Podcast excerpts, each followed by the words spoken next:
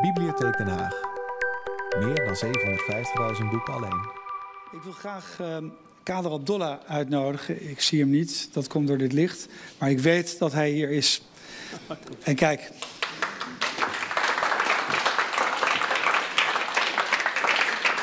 Hi.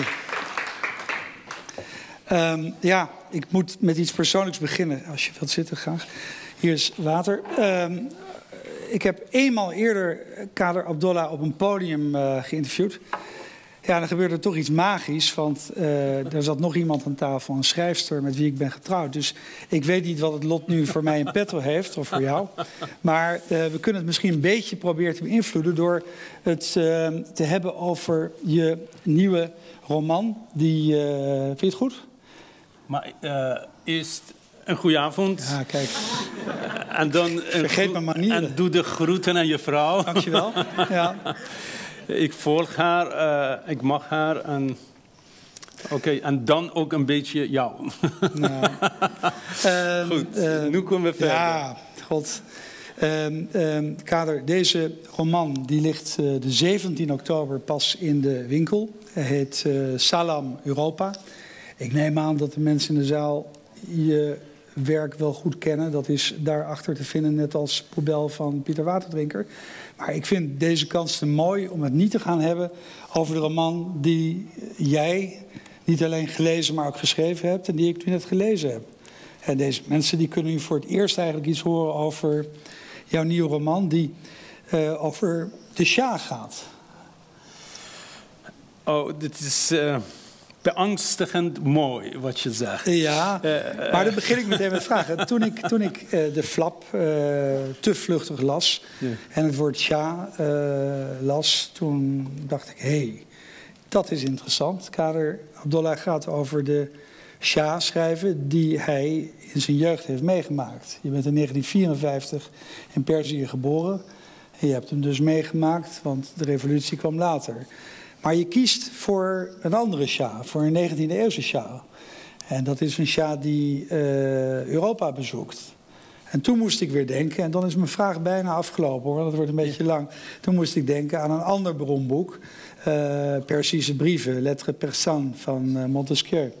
Dacht ik, dit was ook een Shah die Europa bezocht en met de blik van, eigenlijk een hele frisse blik, naar ons Europa, het Europa van die tijd keek. Was dat ook jouw idee? Dat is eigenlijk de vraag. Uh, maar kijk, uh, je zit zelf in de wereld van literatuur. Uh, je bent een recensent en je, je, leest alles heel nauwkeurig. en je weet waar het over gaat. Dankjewel. kijk, kan ik niks meer vragen. Dus wat ik vanavond doe, uh, is het geen literair gesprek. We gaan gewoon een gesprek hebben. Want het boek is nog niet uit. En we kunnen Ja. achter, achter de rug van het boek om een beetje praten. Dit is goed? Ja, dat vind ik fantastisch. We gaan het niet, hebben, we gaan het niet hebben over welk perspectief je gebruikt. Nee, nee, nee, ja, oké, eh, maar, maar het is natuurlijk wel, eh, we mogen toch wel verklappen... Zeker. dat het gaat over die 19e eeuwse Sjaal... die Europa met verse ogen bekijkt. Ja, eh, kijk. Ik wil de,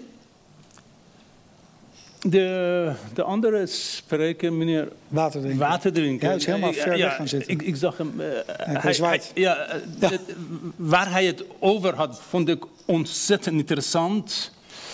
Eh, want hij woont ergens waar hij niet geboren is. Hij zit midden in een andere cultuur. Eh, en ik, ik ga eind van mijn gesprek ook over, over, over de andere schrijver hebben. Maar kijk, ik kwam hier wonen. Daar gaat het om. Ik kwam hier wonen. Zo'n kwart eeuw geleden. Je komt in een oud huis wonen. Niet in Europa, niet in Nederland. Je komt in een oud huis wonen.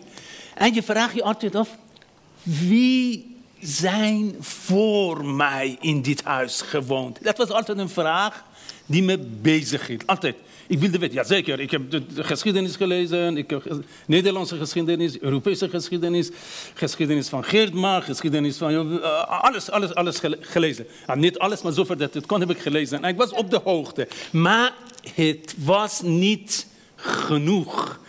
Het, eh, ik, ik, wilde gewoon in. Ik wilde gewoon de stemmen horen. Ik wilde de geuren van, van Europa, van, van dat huis wonen. En per ongeluk, of per geluk, uh, ging ik naar, uh, naar Duitsland, zo'n vijf jaar geleden. En ik kreeg je ging vijf jaar geleden naar Duitsland? Ja, nee, heel, vaak. Maar vijf jaar geleden. Vijf jaar geleden ging ik naar Duitsland. Was ik uh, voor, voor, voor een lezing ging naar Duitsland. En een Duitse vrouw stopte een boek in mijn handen. Ja. ja en, en ik dacht, wat is dit? De kader Abdullah, die is voor jou. Ja, stiekem, haakje open, wil ik zeggen, ik geloof in het leven. En ik geloof wat het leven je biedt. Oké? En niets, in mijn filosofie, en niets iets toevallig. Okay? De vrouw stopte zo een boek in mijn handen. Kader op, dit is voor jou. Heb ik meegenomen. Het was een Duits boek, ik kon het niet lezen. Maar het ging over, het ging over een shah, een koning. Die in 19e, eind 19e eeuw Europa bezocht had. Zo zes maanden dwars door Europa. Oké? En ja, ik kende de Shah. Het was Nasser ad-Din Shah. Maar ik ging zijn boeken in het Persisch lezen. En ik vond het mooi, maar niets. Want in die tijd was hij dwars door Europa gereisd, van Rusland naar Duitsland, naar Nederland, naar België, naar Frankrijk, naar Engeland, waar dan ook. En hij had iedereen ontmoet, van de koningen tot de presidenten, tot de koninginnen, tot de afgezette prinsen, tot de wetenschappers, tot de dichters en tot de... Iedereen. Maar hij had dingen hij had naar de dingen gekeken, maar niet gezien. Dat was mijn ontdekking. Hij ging bijvoorbeeld Bismarck, nou, hij gaf een hand, ik vind het goed, verder niks. hij ging Siemens ontmoeten. Hij ontmoet Siemens op een avond, bij een diner bij de koning, bij de, bij de keizer van, hier is kanselier, uh, kanselier van Duitsland. En kanselier zei, Siemens. En de chance zei, heel goed, heel goed, verder niks. En, maar nu, en met een afstand van 150 jaar, 130 jaar, toen ik terugkijk, zei hey, hij heeft Siemens ontmoet. Hij heeft, uh, hij heeft honderden Europa-makers gezien en ontmoet en een hand gegeven. En dan dacht ik, hey, ik ga deze reis zelf maken. Ik weet het nog, blijf onder ons. Vroeger, in ons huis, toen ik klein was, ik deed de, de chador, sluier, van mijn moeder over mijn hoofd. En andere kinderen bij mij onder, onder die chador. En ik begon ze verhalen te vertellen. Maar ik vond het heel plezierig om als een shah overal naartoe te gaan. Van, en ik vertelde verhalen dat er was een shah, hij ging daar naartoe, hij ging daar naartoe. En dan, zo'n 40 jaar later, had een Duitse vrouw de boeken van een shah in mijn handen gestopt. en ik begon, en ik begon een boek over Europa schrijven.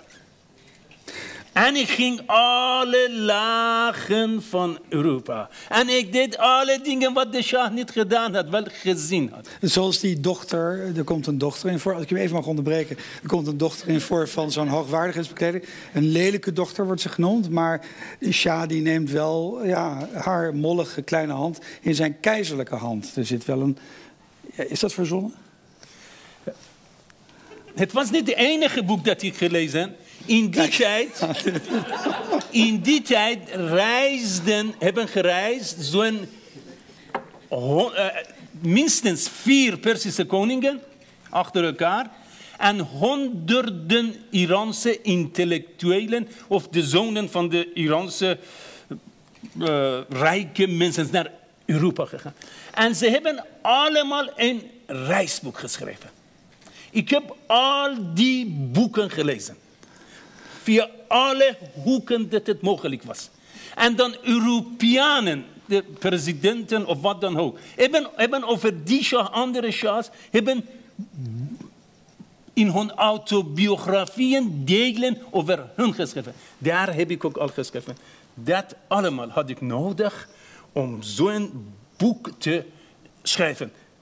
En jij zei tegen mij, het gaat over Europa 19e eeuw.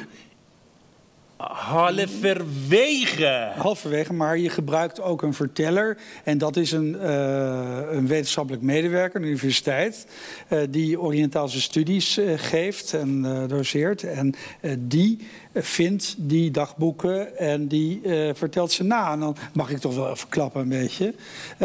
En dat gebeurt dan in de vorm van, spreek het goed uit? De Hekayat. Hekayat. Hekayat? Wil je het nog een keer zeggen? Hekayat. Hekayat. Maar, Ja, dat moet je wel vertellen, want niemand weet wat een hekayat Kijk, ik was, ik was bezig, ik was bezig om, om, om dit te schrijven. En ik dacht, en in die tijd was het treur in Europa. Ik was, ik, ik, was in mijn studeerkamer achter mijn computer bezig met de Shah, 19e eeuw, en dan Parijs. En dan Brussel. En dan weet ik wel. En dan Abdul, Abdul, Abdul Salam, Abdul Salam wat in, in, in, eh, eh, in, in, in, in België. En, en, en tegelijkertijd miljoenen, miljoenen immigranten, asielzoekers kwamen Europa binnen. En dan de zee spoelde de- het lijk van die driejarige jonge Syriërs en, de, en, en Turkse, en, en ergens bij een Turkse stroom. En ik dacht, hé hey, Kader, waar ben je mee bezig? Waar ben je mee bezig, in godsnaam? Europa zitten, miljoenen mensen zijn op de vlucht. En de zee is hun kerkhof of op begraafplaats geworden. En je zit lekker met de Shah bezig. En dan ongewild, ongewenst kwam eerst dat jongetje in het boek. En dan de asielzoekers. En dan de terreur. En dan de gebeurtenissen. En dan Geert Wilders. En dan Nederland is vol. En dan al die protesten in de Nederlandse dorpen. En dan wat dan ook. Gewoon parallel met Europa van toen en Europa van nu. En, en, en tegelijkertijd is een boek geworden dat heet Salam Europa. Ja, want salam betekent eh, groeten, gezondheid en vrede. Hè? Dat is je eerste zin in je boek. Ja. Dus het is eigenlijk een groot welkom in Europa. Zo mogen we het toch wel een beetje zien, dit boek Salam Europa. Ja, Salam. Je laat toch een heel mooi Europa zien, hè? met ja, weliswaar ook figuren als Kroep... maar eh, die niet de beste erfenis gehad heeft. Maar toch ook wel een aantal Europeanen die... Bismarck, dat was toch wel in zijn tijd een groot man. Maar die Shah was misschien ook wel een groot man, die 19e eeuwse Shah. Eh, de Shah, eh, de Shah kwam naar Europa en opeens ontdekte dat hij niets was. Hij was een grote Persische koning, dacht hij. Hij kwam naar Europa, hij dacht, hé, hey, ik, ben niemand. En opeens dacht hij, ik moet wel iemand zijn. En hij besloot met een reisboek. Hij zei, ik, zie, ik zal iets achterlaten wat nog geen koning op de aarde achtergelaten heeft. En het is een reisboek. En, ik, en dan, toen ik het dit maakte, eerste, eerste versie was zo'n 800 pagina. Maar die is, 800 pagina's? Die, die is 400 pagina. De helft Die is 400 eruit dus, ja. En dan dacht ik, oh, nou moet ik een structuur aangeven. Tot nu toe waren ze Europeanen die altijd over zichzelf geschreven. En ik dacht nu, Kader Abdullah, nu ben jij aan de beurt. En ik heb door de ogen van de Shah over Europa geschreven. Europa met haar schoonheid, Europa met die wonderlijke dingen gedaan heeft en Europa van nu. En dan moest ik het in een structuur gieten Hekayat. en dan, het kon niet anders dan duizend en een nacht. Vertelling na vertelling. Vertelling na vertelling. Vertelling in vertelling. En dat noem je hekayat. Hekayaten. Vertellingen. Oude vormen van vertellingen. Is het ook niet een beetje tragisch dat die Shah naar Europa ging? Dat vond hij zeer indrukwekkend. Daar ontmoette hij indrukwekkende mensen. En ja, de laatste Shah wilde ook nog wel, weliswaar met dictatuur, eh, een westerse samenleving. En niets daarvan is meer over in je voormalige land Perzië. Nee. Niets, niets, niets van over, van die Shah, van andere Shahs. Maar, maar wij, wij, wij zijn wel over. Ja, Kijk, het is, het, is, het, is iets, het is iets bijzonders. Wat in Iran nu gebeurt, iedereen zegt die Ayatollahs, de Shah was goed, de anderen was goed. De Shah was een we Iranier. zien waarschijnlijk nu een beeld. Is dat Ja. een beeld uit de jaren 50? Ja. Aan de auto te zien wel. Ja, hè? ik zit, ik zit ook achter Maar de dat auto. is Ik de tijd dat ja. jij geboren werd. Ja, Ikzelf- zit achter op die auto. is Nou, dit is onzin natuurlijk, maar oké, je zit achter op die auto. Ja, dit- Nee, dit, dit- zijn, dat- die waren, de Shah was van ons. De Ayatollahs zijn ook van ons. Er zijn zo'n slechte kant, ja, maar dat... vuile kant. Ja. Maar, eh, maar toch, toch, ze zijn knechten van niemand. Mhm. Ze zijn alleen knechten van Allah en ze misbruiken Ja. iedereen, Allah en iedereen en genieten ervan. Nu ga ik weer iets geheel buiten Ja, orde doen. Ehm, ehm, eh, we hebben elkaar, ehm, nou, ik denk een jaar geleden ontmoet. Ik was op een literair festival in Tallinn. Ik kom nergens, maar ik was op een literair festival in Tallinn. Eenmaal in mijn leven. Wie kom ik er tegen? Kader Abdollah. Waar ben je inmiddels geweest? Waar ben ik niet naartoe geweest? Kijk, dat kun je ook zo Nee, stellen. ik bedoel, ik heb, ik, ik heb een probleem met mijn familie. Ze willen zomers met vakantie. Ik ga, ik zeg, ik ga niet met vakantie. Ja, waarom ga je niet met vakantie? Want ik ga, ik ga naar de plekken waar mijn boeken mij naartoe nemen. Ja. En dus, eh, ik, ben, ik zeg, ik ben overal geweest, wel, waar mijn boeken naartoe zijn gegaan. En het was ook in die tijd Tallinn. Tallinn. Ja, Ja. Maar toen vertelde je mij, want nu mag ik helemaal, zoals de Belgen dat noemen, uit het bed klappen. Ehm, toen vertelde je me dat ja, je zou misschien op je oude dag nog wel eens terug willen gaan naar Perzië. Eh, vier, met, met, eh, met mijn andere boek, eh Papegaai vloog over de IJssel, heb ik van uitgeverij veranderd. Ja, Ik ging naar, ik ging naar Prometheus. Prometheus. Ja, En ik heb met mijn, eh, eh, een met, boek, met mijn, eh, ja, ja, ja, dit boek heb ik bij hun uitgegeven. En ik heb tegen hem gezegd, ik kom bij jullie en ik wil vier boeken uitgeven. Mhm. Vier maar? Vier boeken bij jullie en dan ga ik terug. Maar dit blijft onder ons, heb ik tegen hem gezegd. Oké. Ja, blijkbaar heb ik ook tegen jou gezegd. Ah, maar, maar er is iets anders, inmiddels is het anders gebeurd. Ja. Eh, eh, dat, dat, was, dat was mijn plan om binnen kader van, eh, van twee jaar geleden, binnen tien jaar. En nu, Ja. nu binnen acht jaar. Terug naar het vaderland gaan om eigenlijk opnieuw te immigreren. Ja. En, en, en dan in het Persisch schrijven. Want hier kan ik, eh, ben ik niet in staat om het Persisch te schrijven. Ik kan wel een Persisch boek met 700 pagina's een Persisch boek schrijven. Maar ik kan mijn geest niet in stoppen. is bezet door de Nederlandse taal. Ik kan het niet. Ik moet weg. Ik moet compleet helemaal weg. En ik dacht, voordat ik dood ga, 15 jaar of of 20 jaar voordat ik... nou, iedereen kan morgen doodgaan, maar normaal dacht ik... Ik denk dat ik 92 word. Ja, dus we kunnen rekenen, je bent uit 1954, dus als Ja. je 92 wordt en dan 15 jaar daarvoor, Ja. misschien zijn er mensen die echt goed kunnen hoofdrekenen, dus dan, dat duurt nog wel even voor je dan... Nee, ik dacht, ja, tien, dacht ik ietsjes eerder, ga ik ook een beetje genieten daar.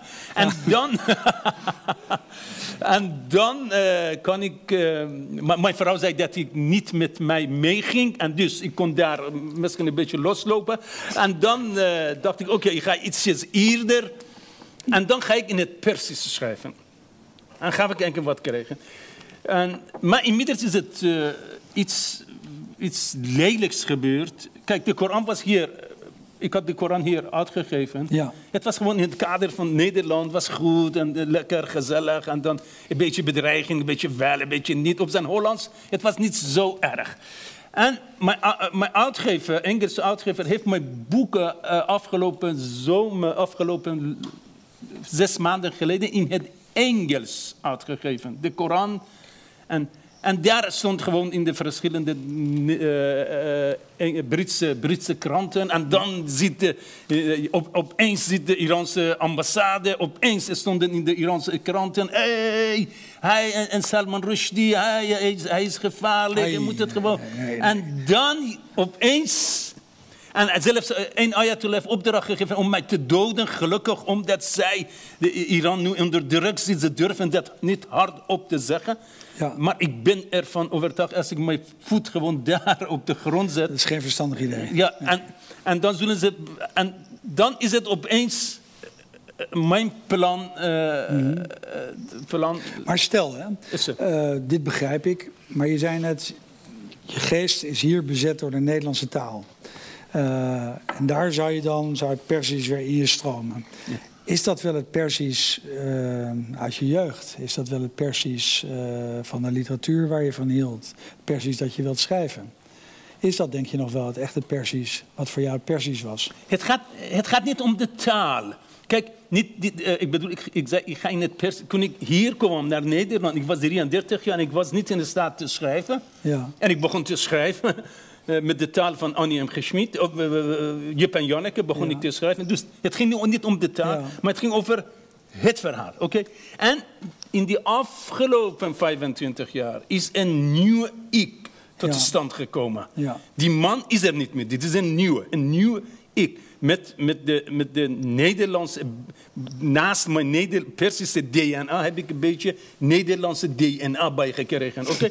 Een, een takje, een takje. En nu ga ik daar naartoe en ik ben, ik ben benieuwd met die nieuw takje in mijn DNA, wat voor soort Persische literatuur produceren kan. Dat was mijn. Dat was het. Dat, gewoon met Hollandse ogen. Ja, Kijk, Persische, o- toen ik hier, voordat ik hier kwam, was ik een schrijver in Iran. Maar ik had, het, ik had de geslauwerde Persische manier van vertellen. Maar nu mijn manier van vertellen is Hollands naakt. Huh? En, en, en, en, en ik ben benieuwd. En, en, ja en ik ben benieuwd wat ik produceren. Ik was benieuwd wat ik produceren kan. Maar helaas, helaas kan je niet hier zitten. En, en met deze ga ik terug naar de eh, schrijver water drinken. Ja, nou, daarvoor wou ik nog een eh, Nee, verre, en- en- maar, intieme ik- vraag ik- stellen. maar mijn vraag is, hier kan ik niet zitten om voor daar voor hun te schrijven. Nee, maar droom je nog wel het Persisch? Oh, poeh. Ja, Eh, kijk, het we, gewoon zi- we zitten in. Den Haag eh, en, en eh, we moeten een beetje relaxed doen, on- ontspannen doen, want Ja, nee, dat gebeurt niet. er, er is een tijd, er is een tijd voor de schrijvers die kunnen ze ontspannen een beetje zich gedragen eh, of relaxen. Maar Eigenlijk gebeurt het niet. Het is het moment waar het manuscript ingeleverd is tot een recensent mee begint. Gewoon, je hebt drie weken tijd of één maand tijd een beetje los te lopen. Oké, Ja, maar, nee, ik bedoel... daar is vanavond een eind aan gekomen. Nee, is dat bedoel- de bittere Nederlandse realiteit. Ja, maar, en, ja. en, oké. en ontspannen. We zijn in Nederland, in, in, Den Haag en ik, ik ga je een waarheid vertellen. Je, je, je vroeg mij of ik in het Persisch droom. Droom, ja. of, kijk, als ik mijn jonge, mooie, boem, boem, boem van, van toen Persische buurvrouw droom, Ja. droom ik in het Persisch. ja, dat. Maar Maar als je van als ik Nederlandse- mijn Nederlandse buurvrouw droom, droom ik in het Nederlands. Ja. ja, Ja, maar goed. Ja, ik, ik zeg jij de waarheid. dit was... ehm, eh, ja, soms zijn er eindes die zo mooi zijn dat je het erbij moet laten. Dank je wel, Kader. Oké. Dank je. Maar ik, ik wil... eh, 20 seconden, hè? Ja, nee, ja. Ik wilde van die schrijver vragen. Oh, van Pieter Eh, Waterdrinker. Schrijf je soms in het Russisch? Als nee, waarom heb je dat niet gedaan? Misschien moet je even hier Een komen. Pieter. antwoord ja, wil ik niet. Maar misschien later, omdat hij, omdat hij haast Nee, nee, nee, nee, we hebben geen haast. We hebben helemaal geen haast. Maar ik zit met een strak schema, maar ik onderbreek het onmiddellijk. Ik, ik maak zelfs plaats. Dit is uniek, eh, dames en heren. Dat gebeurt allemaal bij Be Unlimited. De interview is overbodig. Ik had mijn oortje al eh, afgedaan. Nou, maar als je heel hard praat, Ja. Vijf minuten, niet langer. vijf minuten. Ja, ik denk dat het een gebrek aan talent is wat mij betreft. Eh, want ongeveer, ik zit al 20 jaar in Rusland en, Ja. Mag ik jij zeggen, hè? Eh, 25 jaar hier. Ja. Ehm, wat mij, ik dacht altijd dat eh, op het gebied van taal Russische vrouwen geniaal waren. Want er zijn dames die ik ken die ongelooflijk goed eh, een taal zodanig leren dat ze in die taal kunnen schrijven. Een groot voorbeeld is ook Nausicaa Marbé, de, Ja. de vrouw van, van Jeroen. Ja. Ongelooflijk knap. Ja. En ik weet niet, ja, kijk, als je van de ene hersenschim in de andere hersenschim, een taal is toch ook een hersenschim misschien, hè? Of, of een luchtspiegeling, van de ene luchtspiegeling eh, naar de andere naadloos kan gaan. Ja, dan is dat enorm talentvol. Ik heb het nooit geprobeerd. Waarom? Omdat ik toch altijd ook voor mijn werk ehm, op, die, op, op die wip zat. Tussen, ik ben altijd blijven. Ik ben, ik ben geëmigreerd, fysiek, maar ben toch altijd binnen die twee culturen gebleven. En ik denk dat, En- dat jij En echt. nog, her- nog, nog een vraag, omdat we nog twee Ja. en halve minuten Maar het is tijd- gebrek aan talent. Je bent gewoon veel talentvoller dan ik. En spreek je goed Russisch? Ja, dat wel. Ja. En je vrouw is goed in het Russisch? ja, mijn vrouw is Russisch. Dus het is, het is helemaal niet laat. Je moet mee beginnen. En je, en het wordt een feest. Een goede avond. Oké.